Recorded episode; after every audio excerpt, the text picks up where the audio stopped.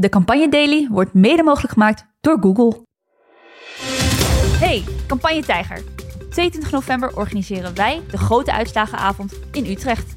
Met campagnegoeroes, politieke minicolleges, live duiding en muziek. Reserveer gratis je tickets via de website van Tivoli Vredenburg. Nog maar één dag voor de Tweede Kamerverkiezingen. Het is vandaag dinsdag 21 november. Mijn naam is Pelle en leuk dat je weer luistert naar de campagne Het begint nu toch ook de VVD wel wat op te breken. Dat Dylan dus de hele tijd een beetje draait. En ook gewoon echt heel soepel met feiten omgaat. Oftewel gewoon liegt. Ja, ik ben weer terug naar, door een reis eh, door Nederland en veel indrukken eh, opgedaan de afgelopen dagen. Maar heel blij dat ik weer aan deze tafel lekker de politieke campagnes eh, mag duiden voor jullie. Dat doe ik vanaf samen met Bianca Pander. Bianca. Hi. Leuk dat je er bent. Ja, zin in. Het was een druk campagneweekend. dat heb je natuurlijk druk gevolgd. Maar is er iets wat je is blijven, is blijven hangen? Nou, ik wil even een shout-out doen naar Roel Maaldrink van Plakshot. Uh, Plakshot, hoe heet het nou? Programma? Plakshot, ja. elke zondagavond. Uh, elke zondagavond. Het is echt heel goed. En deze keer was het right on the money. Ze hadden een, uh, een clipje gemaakt over de VVD die op campagnepad gaat. En hebben ze allemaal jasjes aan uh, met jullie stemmen toch wel op ons. En hij blijft echt in zijn rol, maar benadrukken van ja, maakt namelijk toch geen reet uit wat wij als VVD doen. Jullie blijven toch allemaal wel op ons stemmen. Het is echt een briljant filmpje, want het is sad enough helemaal waar. Uh, daar zullen we het straks nog even over hebben. Maar de, de VVD blijft maar draaien en liegen. En dat maakt dan toch geen reet uit, want ze worden toch de grootste. Ja, dus satire die heel dicht bij uh, de werkelijkheid ligt. We zullen dit clipje van uh, Roel in de show notes zetten. Kijk dat vooral. en we worden vandaag gecompleteerd door Thomas van Eerbos. Thomas, welkom. Hoi. Leuk dat je er bent. Jij bent speechschrijver en je geeft ook het vak retorica aan de Universiteit van Amsterdam. Uh, kijkt dus wel met een talige blik ook naar deze campagne. Um, kijk het met die blik, wat, wat is blijven hangen? We zijn er bijna, bijna, bijna nog één dag, maar met die talige blik, wat, is, uh, wat heeft jou opgevallen of juist niet opgevallen? Ja, ik zat uh, te denken wat is blijven hangen en ik dacht, er is oprecht helemaal niets blijven hangen. Ik heb geen één slogan in mijn hoofd. Ik heb niet een mooi verhaal wat is verteld, een persoonlijk verhaal waar ik altijd fan van ben. Er is eigenlijk oprecht niets blijven hangen. Ik heb echt veel gekeken, veel geluisterd, veel gelezen vooral. Geen woorden, geen zinnen. Wat vreemd eigenlijk. Is ja. dat je droevig of is dat gewoon een observatie die je doet? Nou, ik denk wel dat het beter kan, dat het beter mag. Dat je ook dat je mooiere verhalen kunt vertellen. Ook in een, in een spannende verkiezing waar je nog ontzettend veel moet bevechten. Het mag wel echt wat mooier, wat, uh, wat fijner, dat denk ik echt. Ja, nou, gemiste kansen voor de politieke partijen en de politici. Um, valt genoeg te bespreken vandaag. Maar voordat we inhoud van vandaag induiken, wil ik toch nog even zorgen dat ik me persoonlijk uh, grote zorgen maak om het politieke klimaat in Nederland. De on- en offline bedreigingen tegen politie nemen al jaren toe en weerhouden ook veel mensen om het ambt van politicus überhaupt te willen vervullen. Um, ja, dat is echt verschrikkelijk. Politici die uh, zich zorgen maken om eigen, eigen veiligheid. Uh, met als nieuw uh, trieste dieptepunt het feit dat Thierry Baudet, lijsttrekker van Forum voor Democratie, gisteren in een kroeg is aangevallen en met een glas op zijn hoofd is gevallen. Echt verschrikkelijk. Van politici moet je afblijven. Het zijn volksvertegenwoordigers, daar kan je het niet mee eens zijn. Maar geweld is nooit de oplossing, dus ik wilde toch zeggen dat dat me echt zorg baart en dat ik hem een spoedig herstel wens. Um, maar dan de inhoud in. Uh, ja, peilingen vlak voor de verkiezingen. Daar, eh, daar vinden we van alles van. Daar is ook in deze podcast eerder al een hoop over gezegd. Ja, ik heb ook maar wel mijn bedenkingen bij, omdat toch echt wel de vibe en de mood en, en de sfeer in een verkiezing kan bepalen. dus wat mij betreft verbied je het de laatste twee weken, maar... Ze zijn er. Ze zijn er, dus het is een werkelijkheid waar we mee moeten dealen. En gisteren was er een nieuwe peiling van INO Research, waar we niet omheen kunnen. stond van alles interessants in. Werd gepresenteerd door Peter Kanne bij Galit en Sophie. Laten we heel veel naar hem luisteren. Hoe ziet die peiling eruit? Ja, nou ja, uh, we hebben nu drie partijen die aan kop gaan. Uh, en dat zijn uh, de VVD, GroenLinks, PvdA en de PVV. Dus GroenLinks, PvdA hebben uh, vier zetels erbij. Wilders maar liefst zes ten opzichte van vorige week. En Nieuw Sociaal Contract verliest opnieuw vier zetels. Hè, ja. Vorige week ook al. Ja, dus uh, er tekent zich een drie- of vier strijd af voor de volledigheid. De VVD staat uh, in deze peiling op 27 zetels, GroenLinks PvdA op 27 ook, PVV met 26 daar kort achter. En uh, de top 4 wordt gecompleteerd door Nieuw Sociaal Contract met 21 zetels. Ja, wat, wat zegt deze peiling jullie? Nou ja, dat Pieter Omzicht ten onder gaat aan zijn eigen twijfel. Uh, hij twijfelt overal aan. En nu ook weer twijfelt hij toch wel of niet premier, alleen met vakminister, whatever. De hele campagne gaat alleen maar over zijn twijfel. En het blijft nu aan hem plakken. komt niet meer goed. Die eh, gaat naar een trend naar beneden, volgens mij. Ik denk dat hij er zelf niet eens heel erg rauwig om is. Want eh, volgens mij wil hij ook echt helemaal geen premier worden. En bezwijkt hij nu al half van de stress. Dus volgens mij is dat iets wat ik aan overhoud.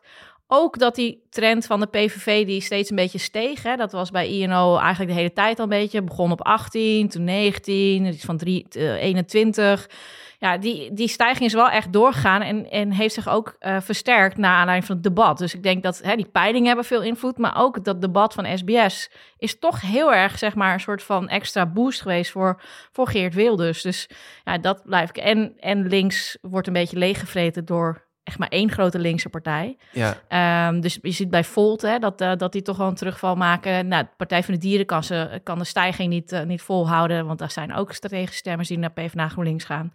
Dus ja, het, uh, maar het, het kan ook nog alle kanten op, zoals Zeker. Peter Kannen zelf ook zo zei. Het maar... is in beweging gekomen in ieder geval. En, en met deze huidige peilingen lijkt het wel een latertje te gaan worden, hè, aankomende woensdag, Thomas. Absoluut.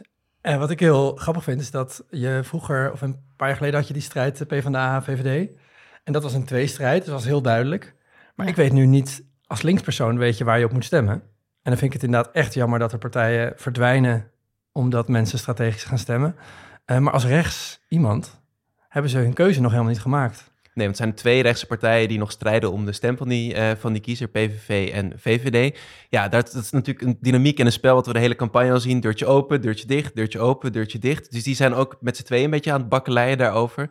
Uh, Dylan Jessogus, zo'n naam, uh, zo moeilijk is die naam niet om uit te spreken. Uh, Kai, uh, wil ik nog even zeggen. die zijn net in een radioprogramma nog als Wilders de grootste wordt en de premier wordt, ga ik niet in dat kabinet zitten. Dus ja, hoe, ja, ja. Hoe, hoe, denk je, hoe denk je dat de rechtse kiezer daar naar kijkt? Ja, ik heb het gevoel dat die rechtse kiezers elkaar ongeveer moeten bellen om te kiezen hoe rechts willen we het hebben. Heel rechts of nog rechtser. En ik ben heel benieuwd wat ze dan kiezen, want je kunt dat niet afstemmen. Dus er zijn nu twee frontrunners ik, weet, ik heb geen idee wie het gaat worden.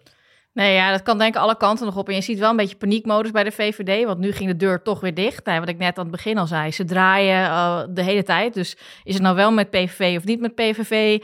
Uh, nu is het toch weer niet met PVV. Maar ja, het is natuurlijk een hele domme strategische fout om niet vanaf het begin gewoon die deur dicht te houden. Want heel veel fatsoenlijke VVD'ers uh, moeten helemaal niks hebben van Wilders. Dus dat is echt een domme inschattingsfout van de VVD. Uh, ik denk lekker voor links, want die konden daar een beetje van profiteren. Maar uh, ja, ze moeten nu wel definitief de keuze maken. En ook definitief de keuze, gaan we Dylan of wel of niet als vrouwelijke eerste premier neerzetten? Daar twijfelen ze ook nog steeds een beetje bij. Ik zou zeggen, volle bak daarop gaan.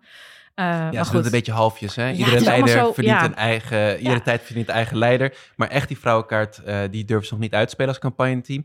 Ja, en het komt natuurlijk ook allemaal omdat kiezers nu ook strategische overwegingen hebben hè, bij het bepalen van hun stem. Uh, inderdaad, die twee-strijd of drie-strijd, links-rechts. Um, in de eerdere verkiezingen bleek dat ruim een kwart van de Nederlanders achteraf strategisch had gestemd. Dus echt nadacht over welke partij heeft kans om de grootste te worden. Dus dat, is, ja, dat, is, dat zie je online, die vraag, maar ook in gesprekken die ik uh, in mijn omgeving voer. Mensen zijn er echt mee bezig van, moet ik nou wel op die grootste gaan? Moet ik naar de partij gaan die dichtst bij mijn hart ligt? Ja, je noemde al een beetje, Thomas, hoe, hoe, kijk, hoe kijk jij naar strategische stemmen en, en de gevolgen daarvan voor grote en kleine partijen? Ik vind het een beetje een prisoners dilemma eigenlijk. Want je zou willen dat iedereen vanuit zijn eigen belang, vanuit zijn eigen hart en waarde stemt. Dat gebeurt al niet. Dan kan ik dat in mijn eentje doen. Maar dan kan ik bang zijn dat een laatste kabinet dat nog net over links zou kunnen gaan, uh, dat ik die kans vergooi. En da daarmee maak je je eigen stem denk ik ook te groot. Dus ik ben, ik ga denk ik strategisch stemmen en ik ben er ook tegen. Ja, hoe kijk jij naar? Ja, het is gewoon een eeuwig dilemma. Ik denk dat ja. het heel erg gedreven is uiteindelijk door persoonlijke overweging van wat vind ik belangrijk. Ja, het ding is, kijk, ik, ik denk ook, uh, ik, ik zou sowieso PvdA GroenLinks stemmen, dus dat is niet strategisch. Maar ik heb nu wel veel gesprekken met mensen daarover die dan toch ook twijfelen, ja, moet ik niet strategisch gaan? Vorige keer was het ook zo en toen was het in mijn omgeving veel vrouwen die dachten, oh, ik wil toch wel eindelijk een keer een vrouwelijke premier. En Kaag leek net die push te kunnen gaan maken, dus hebben ze massaal op D66 gestemd. En vervolgens super teleurgesteld geraakt, omdat ja, in Nederland hebben we nou een keer een coalitieland. Uh, D66 kreeg best wat binnen op klimaat, maar op heel veel andere meer sociale thema's hebben zij zich natuurlijk helemaal niet zo progressief kunnen profileren als ze zouden willen. Ja, en dat wordt echt de grootste uitdaging, ook als links straks wel grootste wordt. Hoe ga je zorgen dat niet al die teleurgestelde kiezers de volgende keer weer hup een andere kant op gaan? Uh, dus da dat is echt een grote uitdaging. Ja, en dat is ook echt een risico als je uiteindelijk wel strategisch ja. stemt. En stel, jouw voorkeurskant wordt niet de grootste. Dat, ja, Dus uh, dan heb je verloren. Ja, dan heb je verloren. Dus ik, ik wens alle luisteraars veel succes met het maken van die keuze. En ik denk dat je In vooral... godsnaam ga gewoon stemmen. Dat, dat is het allerbelangrijkste. Ga vooral stemmen. Nou, sluiten we het blokje peiling af met uh, deze stemoproep van jou, Bianca. Um, ik wil het met jullie hebben over een andere factor die van groot belang is. het destilleerden we net al. de debatten. er was er gisteravond eentje, er komt er vanavond eentje aan. Uh, maar laten we beginnen met een vandaag debat van gisteren. Uh, dus, uh, de lijsttrekkers van de zes grootste partijen in de peilingen, VVD, GroenLinks, PvdA, PVV, Nieuw Sociaal Contract, Boer-Burgerbeweging en D66, gingen een uurtje met elkaar in een goed gevuld Ahoy Rotterdam in een bad. ja, dat ging ongeveer zo aan toe. In die twaalf jaar gaan criminele asielzoekers nog steeds niet sneller terug naar hun eigen land. Is de overlast in Budel en Apel niet aangepakt? En zitten vluchtelingen in overvolle AZC's waar ze te laat de Nederlandse taal leren? Dus er is geen asielcrisis die ons overkomt. Er is een VVD-crisis omdat u geen leiderschap toonde en geen keuzes durfde te Mevrouw Jesselkes.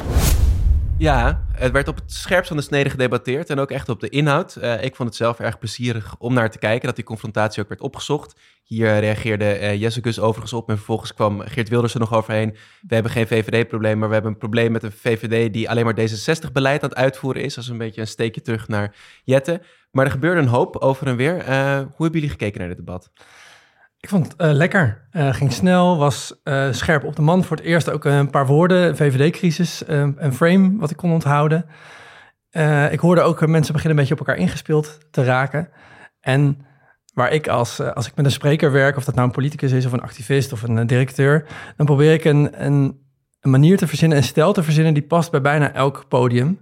En dan kan ik dus echt bijna met kippenvel naar Geert Wilders kijken, die van jeugdjournaal tot aan pittige vragen, tot aan grapjes met het publiek uh, je ziet aan zijn gezicht dat hij er gewoon zin in heeft. Dat hij alles wat er gebeurt, daar kan hij wat mee. Hij is ook goed erin, hè, in dit werk. Ja, maar is, ik denk, ik ben ook echt benieuwd hoe hij zich voorbereidt. Want hij doet allemaal dingen waar, die je niet kunt voorbereiden.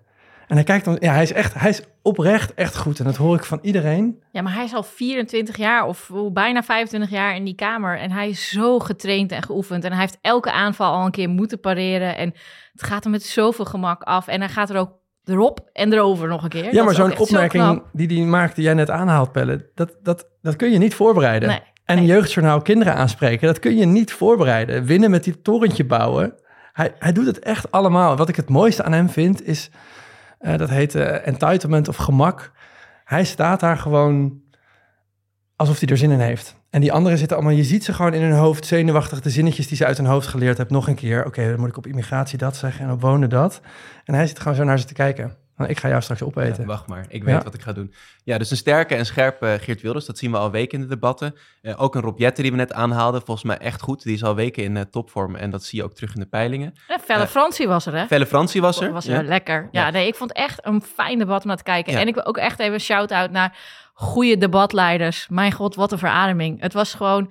Mensen lieten elkaar uitspreken. Er werd ingegrepen op de juiste momenten. En je kan nog twijfelen over de opzet. Hè, dat hij niet te vaak weer het weerwoord geef, gaf aan, aan bijvoorbeeld Jezielgus. Of, maar het was wel een fijn debat, inhoudelijk. En we gingen niet elkaar overschreeuwen. Dus eh, Pieter Jan Hagens, top Ja, gedaan. en ook zeker de redactie van Eén Vandaag, eh, die Ja. dat aan de voorkant echt goed had geregeld. Eh, dus het was kort, maar we werden echt wel wat wijzer als, als kiezer. Ehm, ja, onder andere ook eh Felle Francie, eh, je benoemde het net al. Eh, er waren meerdere malen confrontaties over en weer tussen Dylan Jessicus van de VVD en Frans Timmermans van GroenLinks eh PvdA. Laten we naar een van die eh, interacties luisteren. Dit verhaaltje kon u houden voor die doorrekening, maar nu niet meer. Want nu weten we allemaal hoe het precies eruit ziet. En ten eerste, als Nederland zou ophouden met bestaan na de komende vier jaar, dan heeft de heer Timmermans gelijk. Als je iets verder kijkt, dan zie je dat met die 25 miljard wat je ophaalt bij de mensen, dat daarmee de banen kapot gaan. Ja. En niet alleen de Nou doet ze het banen, weer. niet alleen de banen. Nou doet ze het Het weer gaat bij de over- mensen. meneer Nee, we halen het bij de rijke bedrijven op. Nee, ze het doet gaat- het iedere keer weer Als je als- van mij en van mevrouw Jette de zaken verkeerd voorstellen. Nee, ik ben er gewoon klaar mee. Dat Nee, onze ogenblik. verkeerd Zij was nog niet klaar. Ja, Felle Francie, hij interrupeerde haar vaak. Hij eh, benoemde meerdere keren eh, echt VVD-beleid als, als, als de bron van veel van de politieke crisissen waar we nu in zitten. Eh he was a man on a mission. Ja, en terecht denk ik ook, want eh, het, het, het, begint nu toch ook de VVD wel wat op te breken. Dat Dylan dus de hele tijd een beetje draait en ook gewoon echt heel soepel met feiten omgaat. Oftewel gewoon liegt.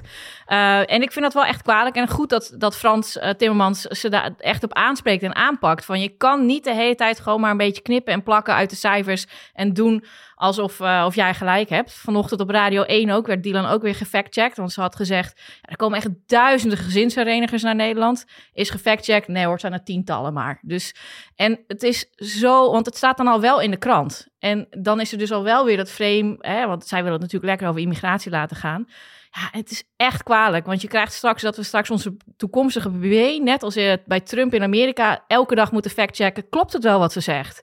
Ja, ik vind dat echt een slechte zaak en ik denk dat ze bij de VVD haar daar ook op aan moeten spreken, want het gaat nog een keer tegen de werken. Hoe kijk jij naar hoe ze daar staat, Thomas? Want ze citeert inderdaad lustig uit, eh, uit die CPP-doorrekening, waar echt op sommige punten in dit debat blijkt dat ze gewoon niet helemaal eh, de waarheid vertelt.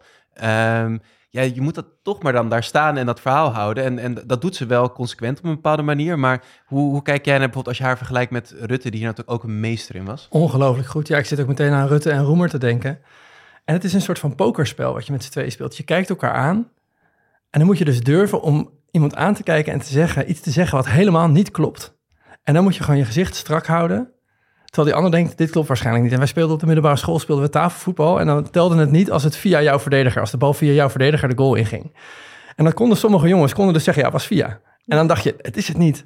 Maar dan hield het gewoon vol. En zij houdt dat vol. En niemand heeft al die cijfers paraat. En het maakt niet uit of je gefactcheckt wordt een week later. Nee, dan is het al gedaan. Nee, dus ze blijft gewoon... En ze heeft Timmermans elke keer nadat hij iets zei... riep ze gewoon iets erachteraan. En ik vind echt... Ja, ik vind het jammer dat het werkt. Maar ik zou het, ik zou het bijna aanraden. Het, het werkt. Ja, tegelijkertijd zien we nu wel dat ze daar zowel van haar politieke opponenten als eh, media en, en online. Nu is X niet eh, de spiegel van eh, de maatschappij, maar het wordt, wel, het wordt wel steeds meer en meer benadrukt. Dus ik ben ook heel benieuwd eh, eh, of ze dat door gaat zetten. En ook een beetje kijken dan al vooruit naar vanavond. Maar toch nog even, ik Ja, denk dat, de, ik, ik- ja, natuurlijk, wij vallen het allemaal op. Wij hebben die doorrekeningen bekeken. We hebben de advertenties met de doorrekeningen ook nog een keer gezien. Maar de gemiddelde luisteraar of kijker helemaal niet. Dus ik sprak eh, net voordat ik dit deed uh, Omroep Friesland. En in het voorgesprek zei de journalist ook... oh, maar had Timmermans dan eh, gelijk? Ik zei, ja, Timmermans had gelijk. Dus zelfs mensen die er al een beetje in zitten... wisten niet wie gelijk had. Dus, eh, en dat is, ja, ik denk... dus het werkt gewoon wat ze doen. Het is slecht, ik denk ook zorgelijk, want ik wil niet naar het Amerikaanse eh, voorbeeld weer verwijzen, maar daar is gewoon echt alleen maar alt- alternative facts tegenwoordig. En ik denk dat we in Nederland toch even moeten afspreken met elkaar. We houden het bij de feiten en we vallen op elkaar daarop aan en niet soort met verzinsels. Elk, elk feit wat niet klopt gaat 20 seconden van je laatste spreekmoment af. En als je dan te vaak iets hebt gezegd wat niet klopt, dan heb je gewoon geen slotspeech. Nou, voorstel voor de aankomende eh, verkiezingscampagne. Eh, nu we het toch over slot eh, speeches hebben, wil ik het met jullie even hebben over het traditionele NOS-slotdebat. Dat is vanavond op NPO 1. Eh, altijd een belangrijk moment in de campagne, de avond voor de verkiezingen. Er zijn nog veel zwevende kiezers. Deze verkiezingscampagne meer dan de laatste jaren. En die laten ook grotendeels hun stem bepalen door het debat. Dat is in het verleden wel eens gebleken. Ehm, heel kort even beide, waar, waar kijken jullie naar uit? Waar gaan jullie op letten als jullie vanavond de tv aanzetten? Nou, ik denk, eh, ik ben wel benieuwd eh, hoe die tweestrijd echt uitpakt uh, voor Timmermans versus Dylan, Jezielgus. Ik denk namelijk dat, uh, oké, de PV staat ook op hetzelfde aantal zetels, maar dat voor Timmermans toch het belangrijk is om de VVD aan te pakken. Dus ik ben heel benieuwd naar hoe uh, fel Felle Fransie vanavond gaat zijn. En jij, Thomas? Als retoricus ga ik letten op twee dingen. Eén is het prachtige Italiaanse woord sprezzatura. En dat is de schijn van gemak. Uh, dat betekent dat je dingen doet die best wel moeilijk zijn, maar je laat ze er makkelijk uitzien. Mm. Obama kon dat met speeches, maar je hebt van die obers op Parijse terrassen die kunnen doen alsof het heel soepeltjes gaat, terwijl ze iets heel moeilijks aan het doen zijn. Als je politici ziet die dat uit kunnen stralen, dan zitten ze er goed in. En waar zit dat dan? Woordgebruik of timing? Of... Dat je durft bijvoorbeeld te breken met het format. Dus er wordt jou een bepaald format aangereikt en jij durft in één zin te antwoorden. Terwijl iedereen langer verhalen probeert te houden. Of je onderbreekt iemand terwijl dat eigenlijk niet mag. Maar op zo'n soepele manier dat de, dat de presentator denkt... oh, wacht, dit zal wel kloppen. Mm. Dus dat, daar, daar ben ik een liefhebber van. Als ik een zwevende kiezer was... dan zou ik vanavond kijken naar... achter de woorden zitten waarden. En dan zou ik op zoek gaan naar de mensen die de waarden hebben... die jij ook zoekt. Want woorden kunnen je alle kanten uitsturen... maar die waarden die eronder zitten... daar moet je dan misschien wel uh, naar op zoek. Ja, ik ben ook benieuwd of ze dat lukt. Hè? Want bijvoorbeeld als je kijkt naar omzicht de laatste tijd, lukt het hem helemaal niet meer om die waarde goed over te brengen. Nee, het gaat echt heel alleen veel, heel veel woorden. Heel veel dat. woorden, heel veel cijfers ook. En ik ben benieuwd of het in het slotakkoord dan toch lukt om het appel te doen op de kiezer. Gaan we kijken met veel interesse. NPO 1 vanavond uh, tune daar zeker op in. Um, Dan wil ik naar een van mijn eh, lievelingsmomenten in het jaar, namelijk verkiezingsavond. Eh, dat is nu echt heel dichtbij. Morgenavond hebben we het dan over. Ehm meerdere opzichten een mooi moment, maar ook omdat het een heerlijke tv-avond is. Eh, kom naar Tivoli naar onze grote uitslagsshow, zou ik zeggen. Ter plekke is alles nog beter. Eh, staat in de show notes. Maar als je dat niet kan, lekker op de bank, tv aan. eh, uitslagen die binnendruppelen. Verslaggevers door het hele land, bij politieke partijen. Maar ook zeker het moment dat de lijsttrekkers naar beneden komen van een kamertje waar ze dan met de inner circle zitten te kijken en die zaal moeten toespreken. Bij winst of verlies, de partijleden moeten worden aangesproken, maar ook de kiezers thuis natuurlijk. Heerlijk moment, omdat dat veel zegt over de lijsttrekkers ook en, en de partijen waar ze voor staan. Eh, ja, Thomas, jij bent politieke junk, jij bent speechschrijver. Zo'n avond als dit, dat moet ook jouw jaarlijkse hoogmis zijn, eh, waar je naar uitkijkt. Ehm, ja, ook daarin eigenlijk dezelfde vraag. Waar ga je op letten? Of wat zijn dingen die jou opvallen op zo'n verkiezingsavond en, en de politieke speech in het algemeen? Ja, wat ik sowieso, waar ik me op verheug, is dat dat debat wat zo heen en weer is, dat dat klaar dan is. En dan heb je dat eenrichtingsverkeer. En dat is eigenlijk mijn, mijn vak. Jij mag iets vertellen en anderen luisteren. En dan vind ik de mooiste speeches waar ik me op verheug zijn onverwachte uitslagen. Dus toch ineens heel groot geworden. Toch niet zo klein als mensen dachten. Dan weet je dat iemand op het laatst nog heeft zitten bedenken... wat zegt dit nou eigenlijk? Ja, want bereiden ze het überhaupt voor, denk je, die speech? Ik denk dat het meest... eh, eh, het scenario wat eraan zit te komen, dat bereiden ze voor. Maar er kunnen ook dingen gebeuren die ze toch niet helemaal voorzien. En dan moet je, ja, dan zitten mensen denk ik op het laatst nog op, op notitieblokjes. En dan moet je dus ook proberen om jouw spreker niet te veel notities aan te reiken, want dan sla je iemand helemaal plat. En waar ik het meest plezier in heb, zijn eh verliezers speeches. Want Ja? Zijn die mooier dan overwinningsspeeches? Absoluut. Want overwinning speeches zijn net als een speechje op een bruiloft of een begrafenis. Iedereen voelt hetzelfde en je hoeft daar alleen maar een beetje op door te gaan. Als je verliest, dan moet je nog iets toevoegen. Dus dit is de uitslag, daar balen we van. Maar, of, en. En ik vind verliezings, verliezers speeches, ehm, bijvoorbeeld in Amerika, vind ik het, het voorbeeld van McCain. Ja, 2008 heb je het dan over, de verkiezing die hij verloor van Barack Obama. Ja, is een van de laatste eh verliezerspeeches waarbij iemand echt nog Ja, iets heel groots nieuws teweeg brengt. Echt sowieso een prachtige speech. Maar ook Hillary, eh, die eigenlijk niet zo heel goed sprak. Hillary Clinton in 2016. Absoluut. eh, hield haar beste speech een dag nadat ze Ja, totaal was- onverwacht verloor. Ja, en dat was zo'n inspirerende speech. En als je dat kan doen na zo'n enorme teleurstelling, ik ik zat ook nog huilend op de bank ongeveer. En dan ben ik niet eens Amerikaan. Maar die vrouw ging daar staan en die gaf een boodschap, met name aan vrouwen en meisjes, die echt, ik denk de meeste eh, vrouwen die dat gekeken hebben, eh, altijd bij zal blijven. En dat was bij McCain ook zo. Die gaf gewoon verzoening. En dat is wat Amerika op dat moment nodig had. Eh, ja, en die politiek van verzoening, die is echt heel ver te zoeken op dit moment in Amerika. Dus ik, met weemoed kijk ik daar weer naar Ja, terug. ja. We zullen Ja. beide speeches in de show notes zetten, want en kijk die vooral terug. Eh, ik wil het zo nog hebben met wat Nederlandse voorbeelden, maar misschien allereerst nog even het campagnematige toch in, in, de, Ja, in die avond van de speeches. Want timing is belangrijk. Hè? Lijsttrekkers houden heel goed elkaar in de gaten, eh, houden de uitslagen in de gaten van het moment wanneer je wel of niet gaat speechen, Bianca. Dat is ook iets waar wij campaigners wel nog extra op letten. hè? Ja, tuurlijk. Nee, je moet niet te vroeg gaan claimen. eh, als je nog niet helemaal zeker van je zaak, want dan moet je later weer terugkomen op dingen. Dus dat is nooit goed. Maar je wil wel net als er een journaal is of nieuwsuur. Dus je wil op de juiste momenten, zeg maar, je praatje houden zodat het live kan worden meegenomen. Het liefst acht uur journaal. Als, je daar, als er al een peiling is geweest waar je al zeker weet, nou, dan moet je dat pakken. Eh, maar je, je kijkt heel erg welk moment, maar ook wanneer gaat de tegenstander, eh, die ook hoog staat. Dus ja, er wordt met alles rekening gehouden. Eh, maar er wordt ook alvast voor uitgekeken naar de dagen na de verkiezingen. Want op het moment dat je weet wat de uitslag grofweg wordt, weet je ook welke kant je wil op, op wilt met je onderhandelingen. Dus het is, het is echt een superbelangrijke speech waar je al een beetje kan aangeven welke kant wil ik het land dat het land op gaat. Dus het is, ja, het is, het is prachtige, prachtige speeches zitten er soms tussen. Uh, maar ik vind ook wel in Nederland mogen ook wel nog iets meer nadruk op die speeches. Want ik weet niet, de, de laatste verkiezingen, er waren provinciale statenverkiezingen, stond uh, Caroline van der Plas, de grote over, uh, overwinnaar, stond gewoon op een heel knullig podiumpje met 6000 mensen om haar heen. En zei zoiets, oh, oh, oh, het is echt ongelooflijk. Oh mijn god, wat hebben we gedaan? En dat was het. Zo ik denk, daar had je gewoon je verhaal mm. moeten pakken. Uh, ja, we hebben dus toch minder traditie van die grote speeches volgens mij. Ja, als we toch dan een paar uitleggen, wat zijn nou verkiezings op, speeches op verkiezingsavond die jou zijn bijgebleven? Misschien beide kanten op, zowel een overwinnings- als een verliesspeech.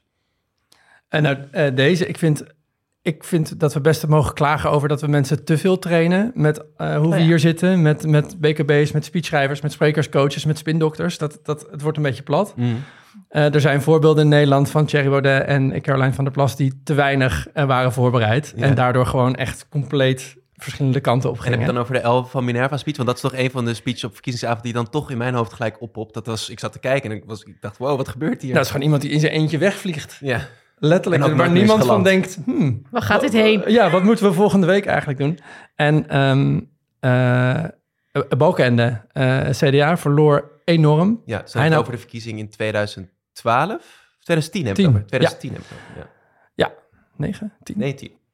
Weet ik vrij Heel zeker. veel kabinetten Ja. gevallen daar. Ja. Eh, hij staat daar, hij staat in de zaal, hij neemt afscheid. Heel lang applaus. En eh, hij vertelt dat hij verantwoordelijkheid gaat nemen, dat het natuurlijk tegenvalt. Hij bedankt de mensen in de zaal. En dan vergeet hij compleet vooruit te kijken. Dus hij sluit af met, nou, eh, pittig, dit wordt een puzzel. Heel veel sterkte. En dan verlaat hij het podium. Als je als verliezer niet iets toevoegt, niet zegt van hier willen we naartoe, of natuurlijk zijn wij nog belangrijk, of ik weet zeker dat wij samen met dit of dat. Nou, dat, Is killing. ja, en daar, daar hoop ik van dat mensen die weten dat ze gaan verliezen of weten dat ze gaan stagneren. Er zijn heel veel partijen die, die het heel goed doen, vind ik. Bijvoorbeeld de Partij voor de Dieren. Ja, de- Esther had eh, bij de Provinciale Staten ook echt een geniale speech. Van Esther Ouwehand, pardon. Ja, lijsttrekker van de Partij van de Dieren. Echt ook heel goed. En waar ze ook heel duidelijk het verschil maakten hè, ten opzichte van de grote BBB. En hoe zij dan toch het verschil kunnen maken op hun punten. Ja, dat moet je benadrukken volgens mij. En dan moet je dus een, een tweede verhaal vertellen. Naast het scorebordverhaal moet je een verhaal hebben van... Hey, we, st- we staan hier nog steeds, we groeien als beweging. We krijgen dingen voor elkaar. En da- dat- dat zijn de mooiste. Nou, we kijken er naar uit en, eh, en gaan die speeches eh, met veel interesse volgen. Eh, ja, dank Thomas, dank Bianca dat jullie wilden aanschuiven. Heel eh, fijn en gezellig om jullie vandaag hierbij me te hebben. Eh, morgen is het zover. Verkiezingsdag. Eh, tijd om te gaan stemmen. Ik kan het echt niet genoeg benadrukken. Ga stemmen, ga stemmen, ga stemmen. En vertel al je vrienden ook om te gaan stemmen. Absoluut. Het is echt een van de belangrijkste rechten eh, die we hebben in Nederland. Maak daar gebruik van, want jouw stem doet ertoe. Eh, dus doe dat. Wij gaan stemmen, maar zijn morgen natuurlijk ook bij je terug met een, eh, met een reguliere campagne daily. Eh, schrijver en opiniemaker Johan Fred schuift aan. Eh, dat wordt vuurwerk, dat kan ik jullie beloven. En tegelijkertijd in die uitzending gaan we ook nog bellen met een speciale gast uit Leeuwarden... die een bijzonder perspectief op verkiezingsdag kan geven. Ik hou nog even de identiteit van deze persoon geheim. Bumor. Komt allemaal Bumor Ah, morgen. kijk, gaat het toch. Stay tuned. Om vier uur zijn we in je favoriete podcast app. En geniet van verkiezingsdag. Tot morgen. Yes, daar ben ik toch weer eventjes. We dachten eh, klaar te zijn met de opname, maar eh, vers van de pers, de slotpeiling van INO Research, eh, ja, die geeft gelegenheid om toch nog even met Thomas en Bianca bij jullie terug te komen. Want wat zien we, ook tot onze verbazing, dat de PVV in die slotpeiling gegroeid is naar 28 zetels en daardoor nu alleen aan kop gaat. Gevolgd door de VVD en GroenLinks PvdA, beide met 27 zetels. Maar dat is wel even een verschuiving, hè? Zo dag voor verkiezingen, PVV het allergrootst. Wat waren jullie eerste gedachten toen jullie deze net zagen binnenkomen? Mijn god, Wilders 1. Ja, eh, dat beeld wil ik echt niet in mijn hoofd hebben. Maar, ehm, dus ik, ja, ik, ik, dit gaat nog wel eh, de laatste verkiezingssprint, Ja. eindsprint weer beïnvloeden. En mensen gaan nu nog strategischer stemmen. Maar ook die, die strijd eh, PVV-VVD wordt interessanter. Maar ik zit echt... Ik weet echt oprecht niet wat ik hoor. Want het was zo lang... Ik ben opgegroeid in een wereld waarin Wilders of, of Janmaat bijvoorbeeld... Het was echt een vreemde Ja, eend in de oud bij. Dat was Thomas, gewoon- Ja, zo oud ben ik. Dus zat ik als kind naar te kijken... en vond ik bijna zielig hoe die buitenspel werd gezet. Ja, En nu was Rauwe Heertje gisteren geëmotioneerd om hoe Ja, in Galite Sophie. in Galit en Sofie zat hij. En daar zat hij oprecht geëmotioneerd over hoe binnenboord eh, Geert Wilders nu is. En niet alleen binnenboord. Hij is nu gewoon op dit moment. Ja, hij trekt natuurlijk al Ja, jaren het maatschappelijk en het politieke debat heel erg zijn kant op. En uitspraken die in deze verkiezingscampagne gedaan zijn, zou je je twintig jaar geleden echt niet kunnen voorstellen. Maar eh, ja, de eerste keer dat hij echt zo vlak voor verkiezings eh, eh, aan kop staat aan de peilingen. Er is eerder wel Het is eens... morgen. Ja, het is morgen en er zijn eerder wel eens een soort van, nou, van die doembeelden geschetst Ja, door andere politici. Mark Rutte was daar natuurlijk een koning in om, die, om dat echt te schetsen. Stel je voor, Wilders 1, Wilders 1. Maar met deze peiling in de hand is het wel gewoon een serieuze optie dat hij de grootste wordt woensdag. Hij heeft meer partijen om uit te plukken ja dat denk dan ik ook. zijn concurrenten. Ja, dus het wordt eh, het appel voor met name jonge mensen en vrouwen alsjeblieft naar die stembus te gaan, wordt nog belangrijker. Want zij kunnen wel het verschil maken, want over het algemeen zitten die iets wat aan de progressievere kant.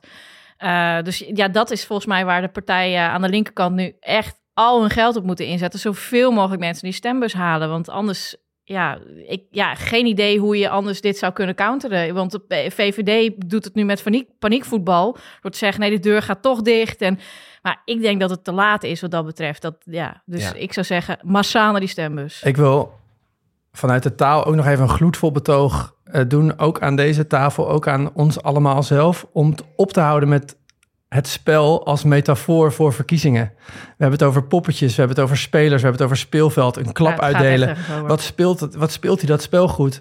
En Hanna Prins eh, eh, zei terecht, het zijn mensenlevens. Het is geen spelletje wat we hier spelen. Dit gaat over onze toekomst samen. Dus ik vind echt dat we de metafoor van... oh, wat een interessant spelletje. Wat zijn we een junks? Wat zijn we verslaafd aan dit spel? Daar zou ik echt mee willen ophouden. Het is een, een berg die we samen beklimmen. Het is een afgrond waar we samen aan staan.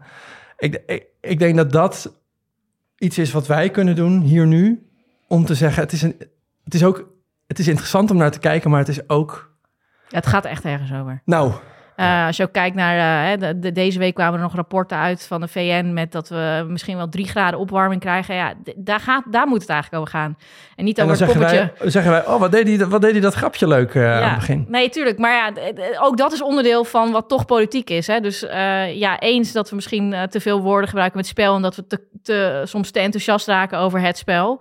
Eh, maar tegelijkertijd, dat is wel onderdeel van politiek bedrijven. Mijn eh, drie minuten lofzang op eh, Geert Wilders. eh, Daar is ingetrokken. Ja, nee, Ja. nee. Nee, maar het terecht punt Sta wat je maakt. Want uiteindelijk gaat het echt om fundamentele keuzes in van wat voor land we willen zijn.